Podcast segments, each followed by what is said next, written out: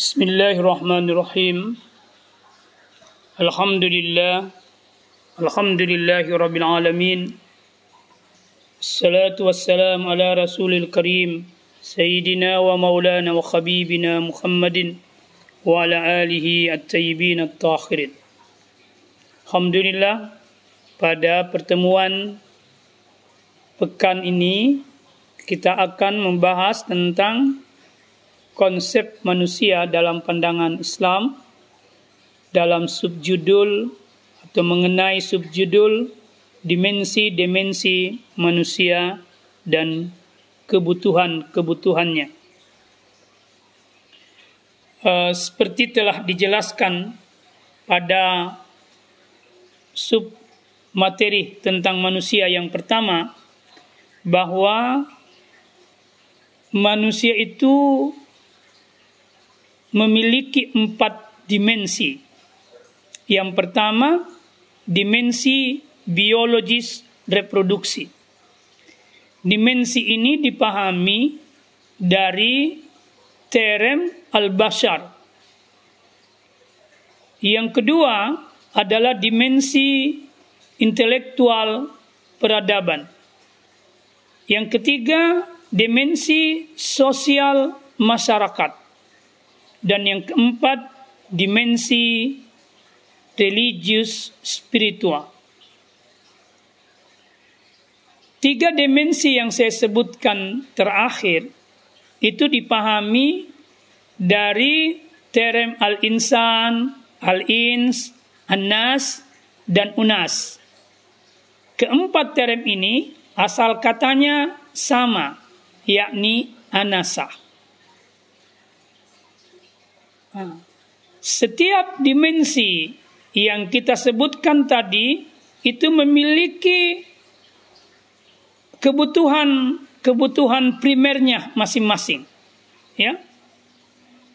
Dimensi biologis reproduksi itu membutuhkan kebutuhan primer yang saya singkat dengan P2 S2 yakni pangan, papan, sandang dan seks. Sementara kebutuhan dimensi intelektual manusia adalah manusia itu butuh ilmu. Dari ilmu inilah maka manusia itu berbudaya dan berperadaban dimensi sosial masyarakat kebutuhannya adalah komunitas sosial yang berbudaya.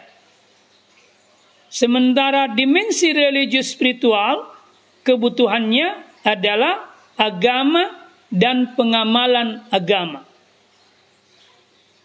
Jadi manusia itu memiliki paling tidak tujuh kebutuhan primer. Tujuh kebutuhan primer. Bukan tiga. Seperti yang kita diajarkan selama ini. Bahwa kebutuhan primer manusia itu hanya eh, pangan, papan, dan sandang. Seperti yang diajarkan oleh Adam Smith. Bahkan seks pun tidak dimasukkan sebagai sebuah kebutuhan primer.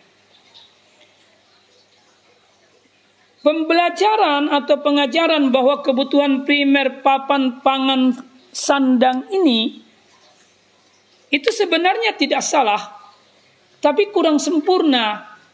Karena kebutuhan pangan, papan, dan sandang itu hanya terkait dengan dimensi biologis reproduksi manusia, di biologis manusia. Bahkan Adam Smith tidak memasukkan seks sebagai sebuah kebutuhan primer. Karena itu cenderung seks itu dibebasin atau pre-sex. Ajaran-ajaran yang diajarkan bahwa kebutuhan primer ini hanya tiga, maka membuat manusia itu tergelincir dalam kehidupannya atau menenggelamkan dirinya pada kehidupan yang sifatnya fisikal material. Maka seluruh apa yang dia inginkan dalam kehidupan ini adalah memenuhi kebutuhan pangan, papan, dan sandang. Padahal kebutuhan pangan, papan, dan sandang itu hanya terkait dengan dimensi atau unsur atau aspek fisik manusia atau aspek jasmani manusia. Sementara ilmu yang tidak dikategorikan sebagai kebutuhan primer, sementara agama yang tidak dikategorikan sebagai kebutuhan primer, dan sementara kebutuhan komunitas sosial yang tidak juga dikategorikan sebagai kebutuhan primer oleh Adam Smith dan para pengikut mereka itu sesungguhnya merupakan unsur atau aspek yang paling penting dalam kehidupan manusia. Karena ketiga kebutuhan yang saya sebutkan terakhir ini itu bagian daripada unsur atau aspek rohani. Jadi kebutuhan yang terkait dengan unsur fisikal jasmania itu hanya satu, yakni kebutuhan yang terkait dengan biologis reproduksi, yakni pangan, papan, dan sandang without sex menurut Adam Smith. Tapi menurut agama atau menurut Al-Quran, seks itu termasuk kebutuhan primer yang terkait dengan jasmani manusia. Kenapa disebutkan sebagai kebutuhan primer? Karena tanpa seks reproduksi, ya, manusia itu tidak bisa berkembang dengan baik dan benar serta indah. Karena agama Al-Quran mengatakan atau Islam memasukkannya sebagai sebuah kebutuhan primer, maka seks itu diatur. Dengan aturan yang sangat ketat. Dengan begitu, garis keturunan manusia itu bisa berkembang dengan baik. Jelas garis keturunannya. Bisa berkembang dengan benar ada yang halal dinikahi, ada yang haram dinikahi. Seperti yang akan kita jelaskan kemudian. Nah, sementara ilmu, agama, dan komunitas seperti saya katakan tadi, itu sebenarnya kebutuhan yang paling inti bagi manusia. Karena dia terkait dengan rohani manusia. Kebutuhan dimensi biologis reproduksi yang terkait dengan fisikal material manusia kalau dia tidak dicahayai dengan ilmu, agama, dan komunitas yang berbudaya, maka pemenuhan kebutuhan jasmani itu akan uh, akan keliru, tidak mengenal batas halal dan haram. Ya, nah, jadi kalau kita mau mengakui secara uh, gentleman bahwa inti manusia itu adalah rohaninya, maka kebutuhan ilmu di atas daripada kebutuhan P, P2 S2. Kebutuhan berkomunitas sosial dalam eh, dalam masyarakat itu di atas juga itu. Dan kebutuhan agama lebih tinggi dari semua kebutuhan itu. Dengan kata lain, agama adalah sebuah kebutuhan yang paling primer yang mesti mencahayai kebutuhan-kebutuhan primer yang lain. Baru manusia itu bisa hidup dalam kebahagiaan atau ketentraman atau hidup dalam kesuksesan.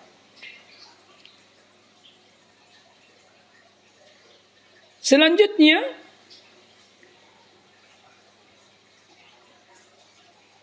akan kita bahas lebih dalam kebutuhan biologis reproduksi yakni sandang, pangan, papan, dan seks.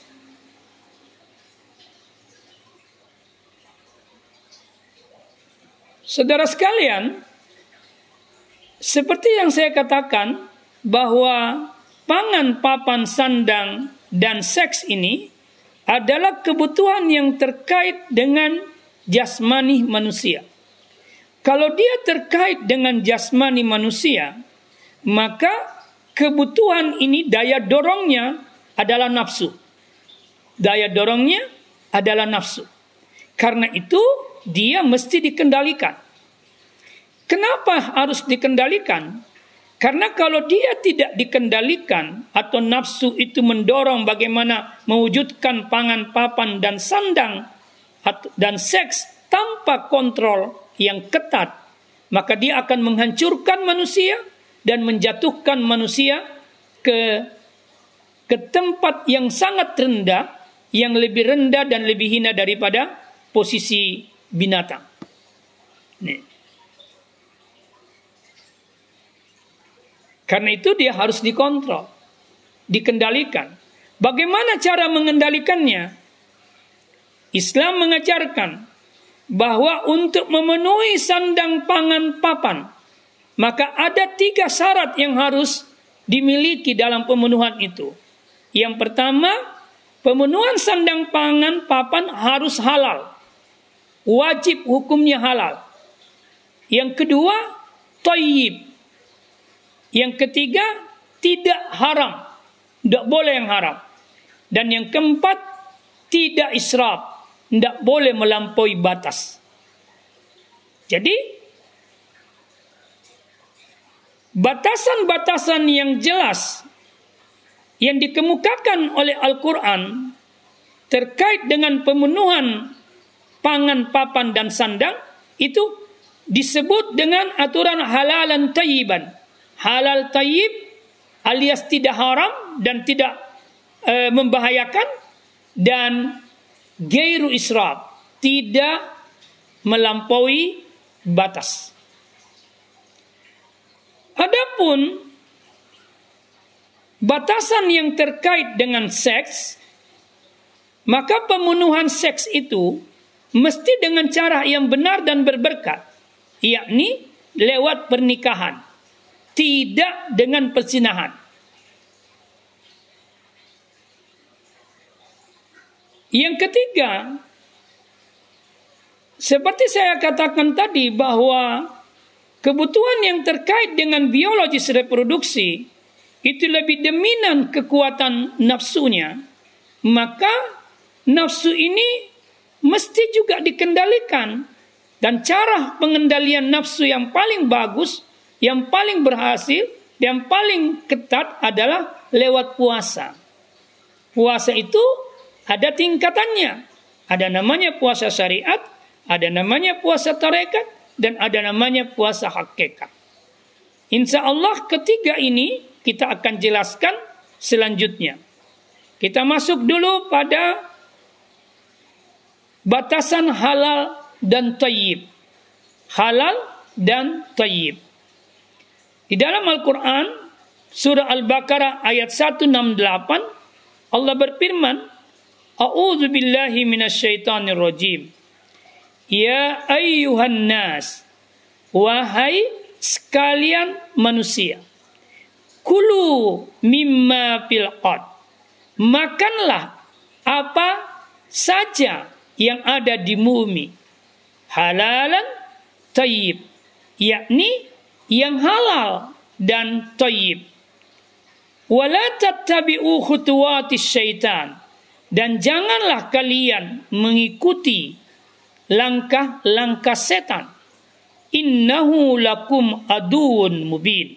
Sesungguhnya setan itu musuhmu yang nyata. Dari ayat ini kita bisa menemukan informasi bahwa seluruh manusia mau beriman kepada Allah atau tidak itu diperintahkan untuk kulu memakan memenuhi kebutuhan sandang pangan papan dan sandangnya ya dengan cara yang halal lagi tayyib dan mereka dilarang mengikuti langkah-langkah setan. Kenapa langkah-langkah setan itu terlarang diikuti dalam memenuhi kebutuhan biologis ini karena langkah-langkah setan itu mengantar kita untuk pemenuhan yang haram. Pemenuhan yang tidak yang habis, yang tidak bermanfaat. Maka dia larang. Maka Allah melarangnya. Karena kalau pemenuhan itu dengan cara yang halal, yang haram dan tidak memberi manfaat, maka atau sia-sia, maka pemenuhan sandang pangan papan itu akan merusak manusia itu sendiri. Itu informasi yang kita tangkap di dalam ayat yang pertama ini. Nanti kita akan jelaskan lebih dalam lagi. Kemudian di dalam surah Al-Maidah ayat 88 itu Allah berfirman, "Wa kulu mimma rasakakumullah halalan tayyiban." Dan makanlah makanan yang halal lagi baik dari apa yang Allah telah rezekikan. Wattaqullah dan bertakwalah kepada Allah dan yang kamu beriman kepadanya. Alladzi antum bihi mu'minun. Nah, kalau kita perhatikan informasi di dalam surah Al-Maidah ayat 8 ini, perintah memakan makanan di mana makanan itu berasal dari rezeki Allah. Jadi makanan yang kita makan itu sesungguhnya adalah rezeki dari Allah.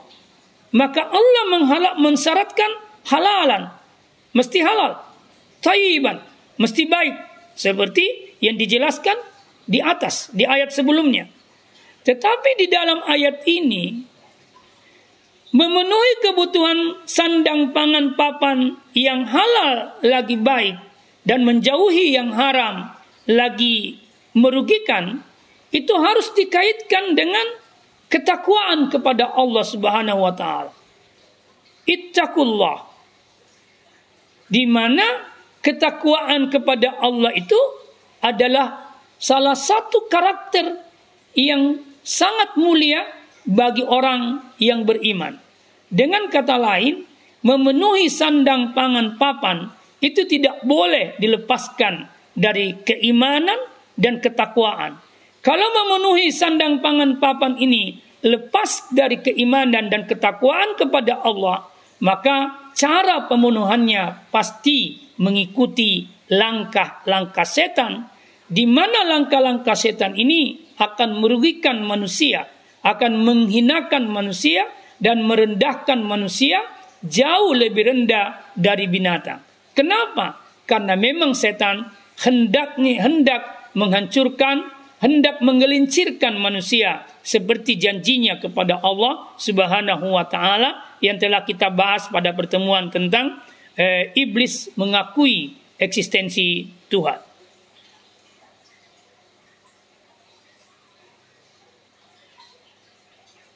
Ayat lain yang relevan dengan perintah makan.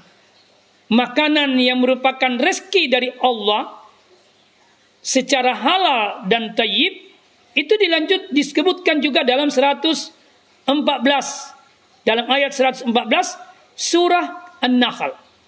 Di situ disebut fakulu mimma razaqakumullah halalan tayyiban washkuru nikmatallah in kuntum iyyahu ta'budun. Maka makanlah yang halal lagi baik dari rezeki yang telah diberikan Allah kepadamu dan syukurilah nikmat Allah jika kamu hanya kepadanya saja menyembah. Nah, di ayat ini perintah makan yang halal yang dan baik dari rezeki yang Allah anugerahkan itu dikaitkan dengan kualitas spiritual syukur dan memakan yang halal lagi baik itu dikaitkan dengan kebenaran penyembahan kepada Allah. Ini mengisyaratkan makna bahwa sebenarnya memakan makanan yang halal lagi baik itu adalah wujud ibadah kepada Allah, bentuk penyembahan kepada Allah, bentuk kebenaran penghambaan seorang hamba kepada Allah, dan sekaligus wujud dari kesyukuran hamba kepada Allah atas nikmat-nikmat yang Allah berikan kepadanya. Nah, kalau kita gabungkan tiga ayat yang saya bacakan tadi maka sebenarnya yang perlu dicermati lebih dalam adalah bahwa memenuhi kebutuhan biologis reproduksi dalam eh, makna pangan, papan dan sandang Itu perintah Allah. Itu perintah Allah. Yakni disebutkan di situ kulu, makanlah. Kata perintah kulu itu adalah kata perintah.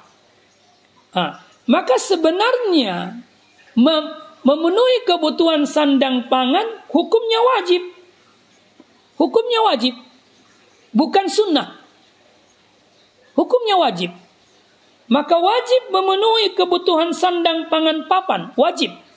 Tapi dengan syarat pemenuhan secara halal dan tayyib. Halal dan tayyib.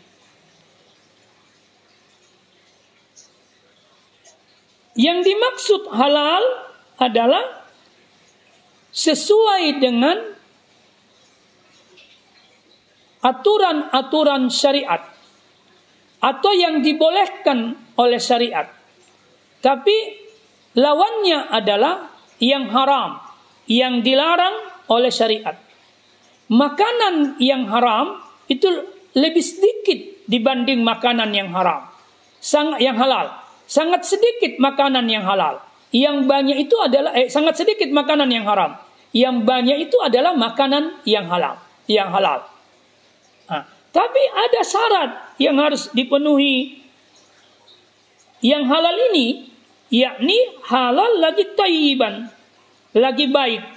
Artinya ada yang halal bagi semua orang, misalnya makan daging atau makan cotolah, itu halal karena contohnya dari daging yang halal, daging sapi dan sebagainya dan dipotong dengan cara yang halal. Tapi bagi orang yang punya orang tertentu yang punya riwayat misalnya kolesterol, punya riwayat tekanan darah tinggi, itu betul contoh itu halal, tapi bagi dia secara pribadi gairu tayyib, tidak baik. Maka dia berusaha untuk menghindari makanan itu karena bertentangan atau bisa memberikan efek buruk terhadap tubuhnya yang punya riwayat penyakit hipertensi dan kolesterol. Atau misalnya contoh yang lain, ada orang punya riwayat penyakit diabetes melitus. Orang punya penyakit diabetes melitus itu unsur glukosanya tidak boleh terlalu banyak. Misalnya makan gula dan sebagainya. Maka makan gula baginya atau makan nasi yang banyak baginya atau semua yang bertepung-tepung yang banyak baginya itu kurang bermanfaat baginya. Gairu tayyib, tidak baik. Maka dia harus menghindarinya. Meskipun makanan itu halal. Tapi syarat yang kedua, yakni tayyib, itu tidak terpenuhi. Itu mengajarkan bagaimana Islam itu betul-betul rinci dalam mengatur pemenuhan biologis manusia, yakni sandang, pangan, dan papannya. Lebih jauh, kita jelaskan apa sebenarnya yang dimaksud tayyib. Tayyib itu bermakna baik. Baik dalam dimensi apa? Dalam bahasa Arab ada empat paling tidak kata yang mengajarkan makna baik, yakni khairun, kemudian birrun, kemudian hasanun, dan yang keempat tayyib yang kita sebutkan ini. Keempat kata ini yang selalu diartikan dengan baik itu berbeda kandungan makna baiknya. Eh, kata khair itu baik karena menjadi pilihan. Jadi baik dalam makna pilihan. Saya kasih contoh. Orang yang sakit atau musafir boleh tidak puasa di bulan Ramadan. Ya, boleh tidak puasa di bulan Ramadan. Tetapi Quran mengatakan antasumu khairul lakum. Puasa itu bagimu menjadi pilihan terbaik meskipun engkau sakit atau meskipun engkau dalam perjalanan. Selama puasa itu menurut dokter tidak membahayakan penyakitmu. Selama perjalananmu itu kalau kamu berpuasa tidak menyusahkanmu, tidak membuat masakkah, kesulitan dalam perjalananmu, maka memilih berpuasa itu lebih baik. Contoh lain, kalau engkau memberi piutang kepada orang-orang yang memang tidak mampu, maka dia meminta piutang kepadamu karena memang dia tidak mampu, dia tidak punya sesuatu. Lalu dia berjanji akan mengembalikannya satu bulan kemudian. Lalu kemudian tiba temponya dia harus kembalikan. Anda meminta dia kembalikan, ternyata dia mengatakan saya belum punya. Lalu Anda kasih tempo lagi sebulan.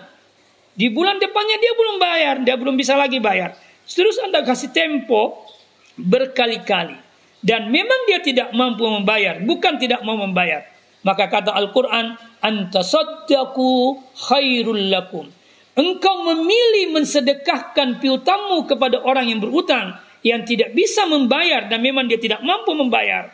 Itu lebih bagus daripada engkau menaginya dan menuntutnya untuk dia membayar utangnya. Itu makna khair. Makna hasanun baik dalam arti menyenangkan hati. Jadi makna kata hasan kebaikan yang menyenangkan hati. Nah, misalnya di dalam doa yang Anda sering baca, eh, Rabbana atina fid dunya hasana wa fil akhirati hasana. Ya Allah anugerahkan kepada kami dunia yang baik dan akhirat yang baik. Apa yang dimaksud dengan dunia yang baik adalah dunia yang menyenangkan hatimu. Dunia yang membuat hatimu tentram damai. Sehingga dunia yang membuat hatimu tentram damai itu juga akan kau dapatkan akhirat yang tentram dan damai. Jadi ukuran baik bagi hasanah adalah ketentraman hati. Bukan banyak atau sedikit. Banyak rezeki belum tentu menyenangkan dan menenteramkan hati. Hah? Sedikit rezeki belum tentu juga menggelisahkan hati. Banyak orang yang sedikit rezekinya atau diuji dengan kemiskinan oleh Allah, tapi kemiskinan ujian kemiskinan itu tidak menggelisahkan hatinya, bahkan hatinya damai tentram saja. Maka ujian keberkahan yang menyenang ke, kemiskinan yang menyenangkan hatinya itu berberkah baginya. Berbanding terbalik dengan orang yang diuji dengan kekayaan, tapi hatinya tidak pernah damai, hatinya tidak pernah senang, hatinya tidak pernah bahagia, maka sebenarnya ujian kekayaannya itu tidak berberkah baginya. Jadi kebaikan dalam konteks kata hasanah adalah kebaikan yang sifatnya kesenangan hati. Dan kesenangan hati itu berbeda dengan kesenangan nafsu. Kesenangan nafsu selalu terkait dengan jasmani. Tapi kesenangan batin adalah kesenangan hati selalu terkait dengan akal yang sehat, akal yang benar, dan eh, eh, akal itu pengendalian terhadap hawa nafsu. Nah, yang ketiga, kata birrun Baik dalam makna birrun itu adalah kebaikan yang sempurna. Kebaikan yang sempurna itu apa?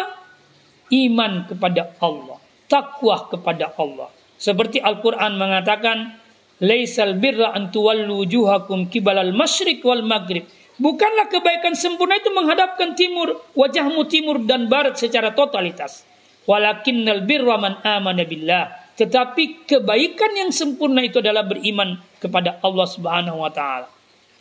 Kata birrun ini dalam makna kebaikan yang sempurna dan kata hasanun yang bermakna kebaikan yang menyenangkan hati itu digunakan dalam konteks berbuat baik kepada kedua orang tua.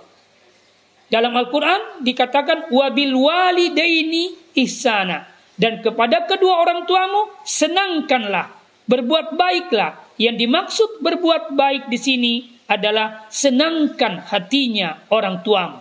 Senangkan kalbunya. Damaikan hatinya. Tentramkan hatinya.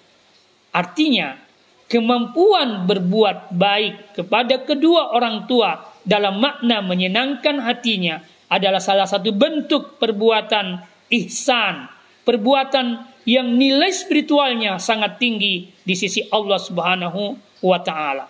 Yang bisa melakukan ini adalah orang yang memiliki kualitas ihsan yang yang kualitas spiritual ihsan atau yang paling tidak yang mendekati kualitas spiritual ihsan itu.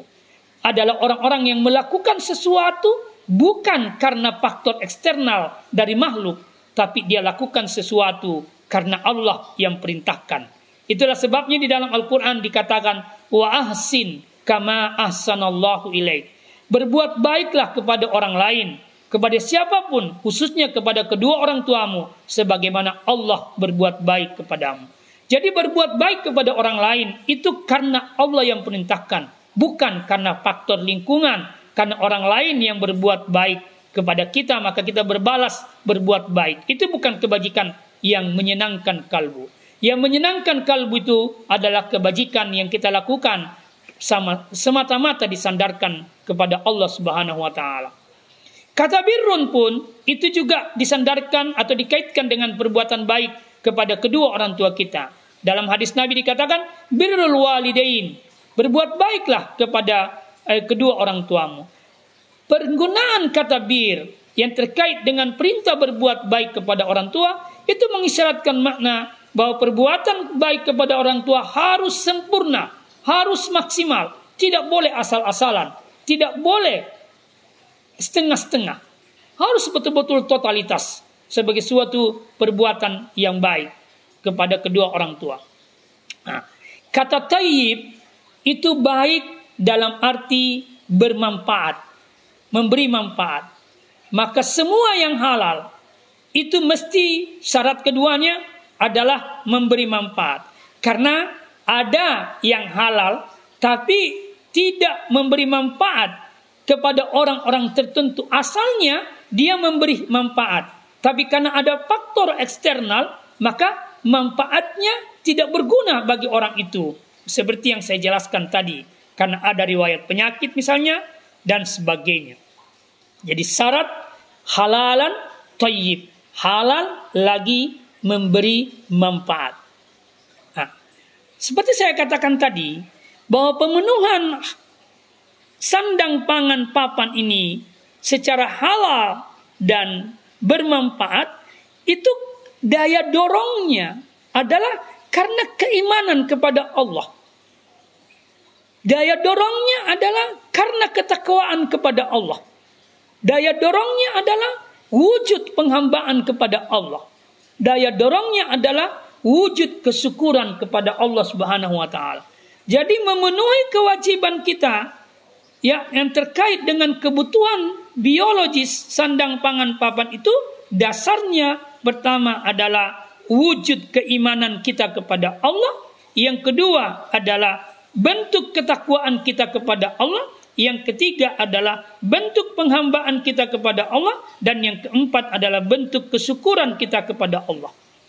Kalau ini yang melandasi pemenuhan kebutuhan sandang, pangan, dan papan kita, maka insya Allah dia terbebas dari dorongan hawa nafsu.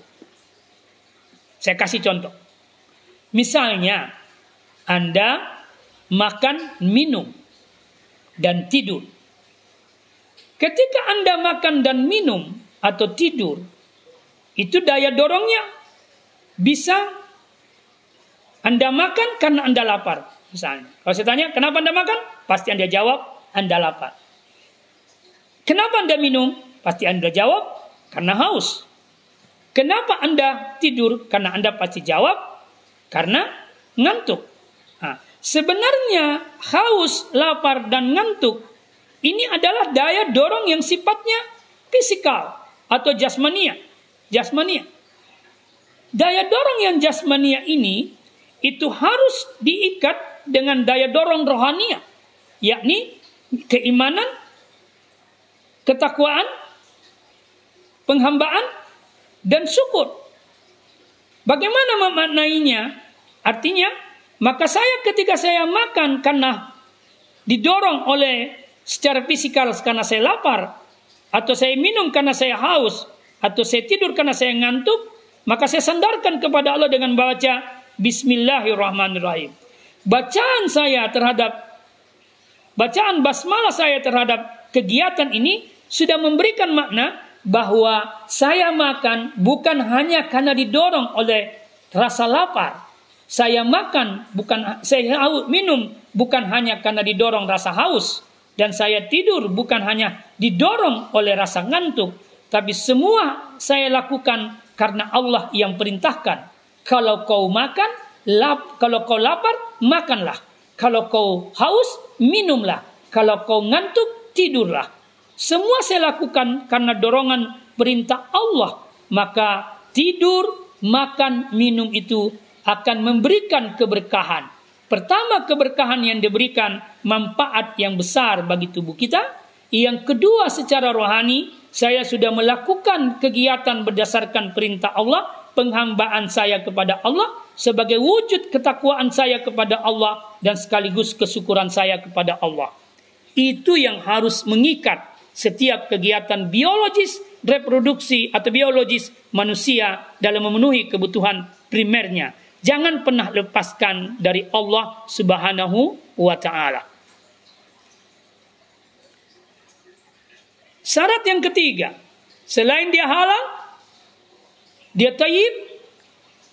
Yang ketiga, gairu israf. Tidak boleh melampaui batas. Kenapa dilarang melampaui batas dalam pemenuhan sandang pangan papan? Hah? Karena melampaui batas dalam memenuhi kebutuhan biologis itu, itu dorongan nafsu. Seperti saya dari awal katakan, nafsu itu mesti dikendalikan. Maka salah satu cara mengendalikan nafsu itu dalam memenuhi kebutuhan sandang pangan papan itu adalah gairu israf. Di dalam surah Al-A'raf ayat 31 Allah berfirman, "Ya bani Adam, Wahai Bani Adam, anak cucu Adam, Hudhu sinatakum. Ya, pakailah pakaianmu yang indah, indah kulli masjidin. Setiap engkau memasuki masjid. Wakulu itu, wakulu dan makanlah. Jadi memakai pakaian itu bagian daripada sandang. Nah, sandang. Waku dan pangan pang, dan papan. Kemudian perintah wakulu wasrabu. Makan dan minumlah itu bagian daripada pangan. Lalu Tuhan mengatakan wala tastusrifu tapi jangan melampaui batas. Jangan berlebih-lebihan. Boleh kita berpakaian indah tapi jangan berlebih-lebihan. Wajib kita punya rumah, papan tapi jangan berlebih-lebihan. Wajib kita makan dan minum tapi jangan berlebih-lebihan. Wala tusrifu Innahu la yuhibbul musrifin. Sesungguhnya Allah tidak menyukai orang-orang yang berlebih-lebihan. Apa yang dimaksud berlebih-lebihan? Nah, apa yang dimaksud berlebih-lebihan? Saya kasih contoh dalam konteks makan dan ber, eh, yang berlebih-lebihan atau konsep minum yang berlebih-lebihan, yakni makan sampai kenyang sekali. Eh? sehingga tidak lagi kuat beribadah. Jadi makanannya, kekenyangannya menghambat dirinya beribadah dan kekenyangannya membuat dirinya bermalas-malasan. Itu namanya berlebih-lebihan. Dalam konteks pangan dan papan misalnya, yang eh, atau sandang dan papan, yang mana yang dimaksud berlebih-lebihan? Yakni pemenuhan yang sudah keluar, yang yang hanya didasarkan semata-mata pada keinginan, bukan kebutuhan. Sebenarnya barang itu dia tidak butuhkan, hanya dia inginkan. Maka dia penuhi keinginannya tanpa ada kebutuhan sedikit pun di sana. Maka itu termasuk israf. Sementara ada orang yang membutuhkannya. Maka itu satu perbuatan israf. Itulah sebabnya dalam konteks makan itu Nabi dalam hadisnya mengatakan, "Nahnu qaumun la na'kulu hatta naju wa idza akalna la nasba atau la nas." Kami ini kaum muslimin adalah kaum yang hanya makan bila lapar dan berhenti makan sebelum kenyang. Ini hadisnya daib. Tapi matannya daib secara sanad, tapi matannya dibenarkan. Artinya adab makan itu janganlah makan sebelum kau lapar. Jadi yang dorong kita makan karena lapar seperti yang saya jelaskan tadi. Tapi berhentilah makan sebelum kenyang. Artinya kenyang itu eh, bisa merusak tubuh manusia. Kenyang itu tidak bermanfaat bagi tubuh manusia. Kenyang itu bisa membuat obesitas dan sebagainya misalnya. Iman Sapi berkata, eh, karena kekenyangan membuat badan itu menjadi berat. Lianna syab'a yaskulul badan. Hati menjadi keras. Yuksil qalb. Menghilangkan kecerdasan. Wa yazilul fatan. Al-fatana. Wa yajlabul naum. Membuat sering tidur. Wa yudaibu anil ibadah. Membuat lemah dalam beribadah. Jadi, kenapa terlarang kenyang? Nah, itu tadi. Karena memberatkan badan, obesitas, susah gerak. Bahkan secara rohani, hati menjadi keras. Secara intelektual, menghilangkan kecerdasan. Hah? Dan secara ibadah, kusala, dia malas beribadah. Lemah dalam beribadah. Dan lebih suka tidur. Nah, coba bayangkan bahayanya makan yang israf, yang berlebih-lebihan. Bahkan ada yang mengharamkan dan memang mengharamkan kekenyangan itu di, dihukumi haram. Ibnu Hajar rahimahullah berkata, larangan kekenyangan dimaksudkan pada kekenyangan yang membuat penuh perut dan membuat orangnya berat untuk melaksanakan ibadah, membuat angku, bernafsu, banyak tidur dan malas. Bisa jadi hukumnya berubah dari makruh menjadi haram sesuai dengan dampak yang buruk yang ditimbulkan, yakni membahayakan kesehatan, baik kesehatan lahir, lahir maupun kesehatan jasmani atau kesehatan tubuh. Seperti obesitas dan sebagainya. Dalil yang lain, Rasulullah Shallallahu alaihi wasallam bersabda, "Nurul hikmah al-ju." Cahaya hikmah itu lapar. Wattaba'udu minallahi asyaba' sedangkan yang menjauhkan dari Allah itu kenyang. Wal qurbatu ilallahi hubbul masakin. Dan yang mendekatkan kepada Allah itu cinta kepada orang-orang miskin. Nah minhum. Ya. Dan mendekati mereka. La tasba'u maka karena itu janganlah kalian selalu kenyang. Payut panurul ma'rifah. Karena kekenyangan itu akan memadamkan cahaya makrifat dari kalian ini kerusakan yang ditimbulkan oleh kekenyangan uh, kerusakan ditimbulkan oleh kekenyangan terhadap rohani manusia. Saya kira apa yang saya jelaskan terkait dengan pemenuhan syarat memenuhi apa namanya kebutuhan-kebutuhan yang sifatnya biologis yakni eh, sandang pangan dan papan itu sangat sangat jelas ya. Eh, bahkan Nabi dalam suatu sabda terkait dengan kehalalan tadi, terkait dengan menjauhi yang haram, terkait dengan gairu israf, terkait dengan bermanfaat, dia berkata, manusia tidak memenuhi wadah yang buruk melebihi perutnya. Cukuplah bagi manusia beberapa suap yang menegakkan tulang punggungnya. Bila tidak bisa, maka sepertiga mak untuk makanannya, sepertiga untuk minumnya, sepertiga untuk napasnya. Artinya sebenarnya eh, tujuan makan itu yang diwajibkan oleh Allah supaya tubuh kita bisa tegak beribadah kepada Allah. Tapi karena makan itu nikmat, maka bolehlah melebihi sekedar memenuhi kebutuhan untuk tegak. Misalnya makan sepertiga, minumnya sepertiga, napasnya sepertiga. Itulah yang paling maksimal yang diajarkan oleh agama kita dalam memenuhi kebutuhan eh, makan, eh, pangan, papan, dan sandang. Adapun terkait dengan kebutuhan seks yang juga merupakan kebutuhan eh, eh, eh, primer manusia dari sisi jasmania, insya Allah kita akan bahas lebih lanjut pada pertemuan selanjutnya. Terima kasih. Assalamualaikum warahmatullahi wabarakatuh.